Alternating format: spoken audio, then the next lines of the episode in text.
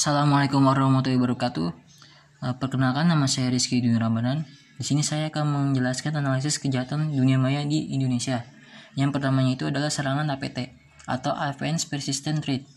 APT sejatinya adalah bentuk serangan cyber skala besar yang mengincar suatu infrastruktur atau target besar, mengumpulkan informasi sensitif. Berkurangnya serangan berkurangnya serangan APT sejatinya menghasilkan paradigma atau cara baru bagi para pelaku cybercrime. Dan cara baru ini bisa dimanfaatkan untuk menyerang perangkat atau infrastruktur agar lebih efektif. Lantaran APT sendiri membutuhkan waktu yang lama untuk dieksekusi. Dan yang keduanya itu adalah serangan dari networking, hardware, dan IoT. Jenis serangan ini juga diprediksi bakal ramai. Dan kenapa bakal ramai? Para pelaku cybercrime nantinya bakal memanfaatkan memanfaatkan memanfaatkan celah keamanan pada jaringan dan perangkat IoT sebagai medium untuk melakukan serangan cyber. Dan salah satunya itu adalah mereka bisa memanfaatkan robot atau perangkat IoT untuk menghambat sinyal komunikasi atau mengacaukan sebuah infrastruktur melalui melalui jaringan. Dan yang ketiga, kemunculan pemain baru yang lebih agresif, pertumbuhan pelaku serangan cyber pun sebagai efek dari berkurangnya APT. Patut diwaspadai mereka biasanya mengotak-atik alat eksploitasi untuk melakukan serangan cyber agar lebih sulit untuk ditangani. Dan kehadirannya itu alat-alat eksploitasi yang bersifat customizable pun memudahkan para pemain baru untuk terjun ke dunia ini. Dan yang keempat itu ancaman dari celah keamanan hardware. Serangan cyber juga dapat memanfaatkan celah security di perangkat keras. Dengan kata lain ini adalah para cyber bakal bisa memanfaatkan kelemahan dari sistem yang ditimbulkan dari sisi hardware. Dan misalnya itu pelaku cybercrime mengeksploitasi bug pada CPU agar bisa melakukan pengumpulan data penggunanya.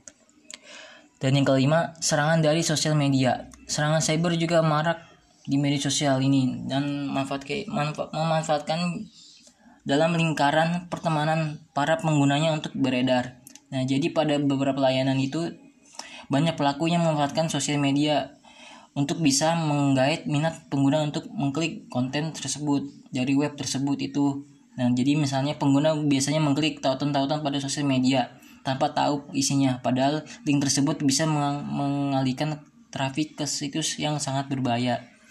Dan yang keenam itu serangan cyber untuk penghancur suasana. Jenis serangan ini bertujuan mengganggu dan memperkeruh suasana atau makna dari sebuah event besar ini. Jadi biasanya itu serangan cyber jenis ini membidik acara yang digandrungi oleh orang banyak seperti pesta-pesta lah seperti hajatan dan mereka buat demikian lantaran ingin dikenal keberadaannya yang keberadaannya oleh orang layak. Yang ketujuh, serangan cyber lewat smartphone. Bahwa serangan melalui jalur perangkat mobil akan marak terjadi dan sebab ini adalah pengguna smartphone kian bertambah setiap tahunnya.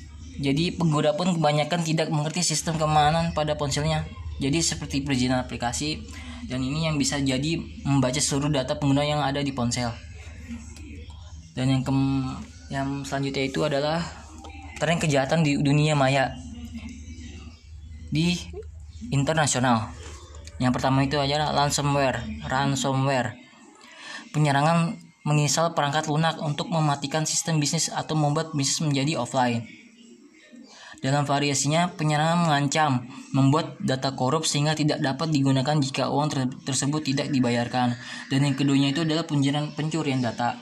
Penyerangan mencuri data pelanggan dan penjualnya ke oknum lain yang kemudian melakukan pencurian identitas atau juga disebut mereka meminta pembayaran untuk membalik mengembalikan data yang dicuri tadi. Nah, dan yang ketiga itu adalah penyemaran sebagai SEO. SEO atau tinggi perusahaan lain. Nah, pengintai online atas data publik memungkinkan pelaku kejahatan penyamaran sebagai SEO atau direktur keuangan. Jadi pelaku kemudian dapat meminta perubahan detail pembayaran pada faktur dan mengalihkan pembayaran ke akun mereka sendiri. Dan yang keempat itu adalah penambangan Bitcoin. Bentuk kejahatan cyber yang ber, yang relatif baru tetapi semakin banyak terjadi. Penyerangan memasang perangkat lunak pada sistem teknologi informasi dalam perusahaan dan membajak prosesor untuk menghasilkan mata uang kripto. Sistem bisnis segera melabakkan atau berhenti. Dan yang kelima ini adalah pencurian intelektual properti.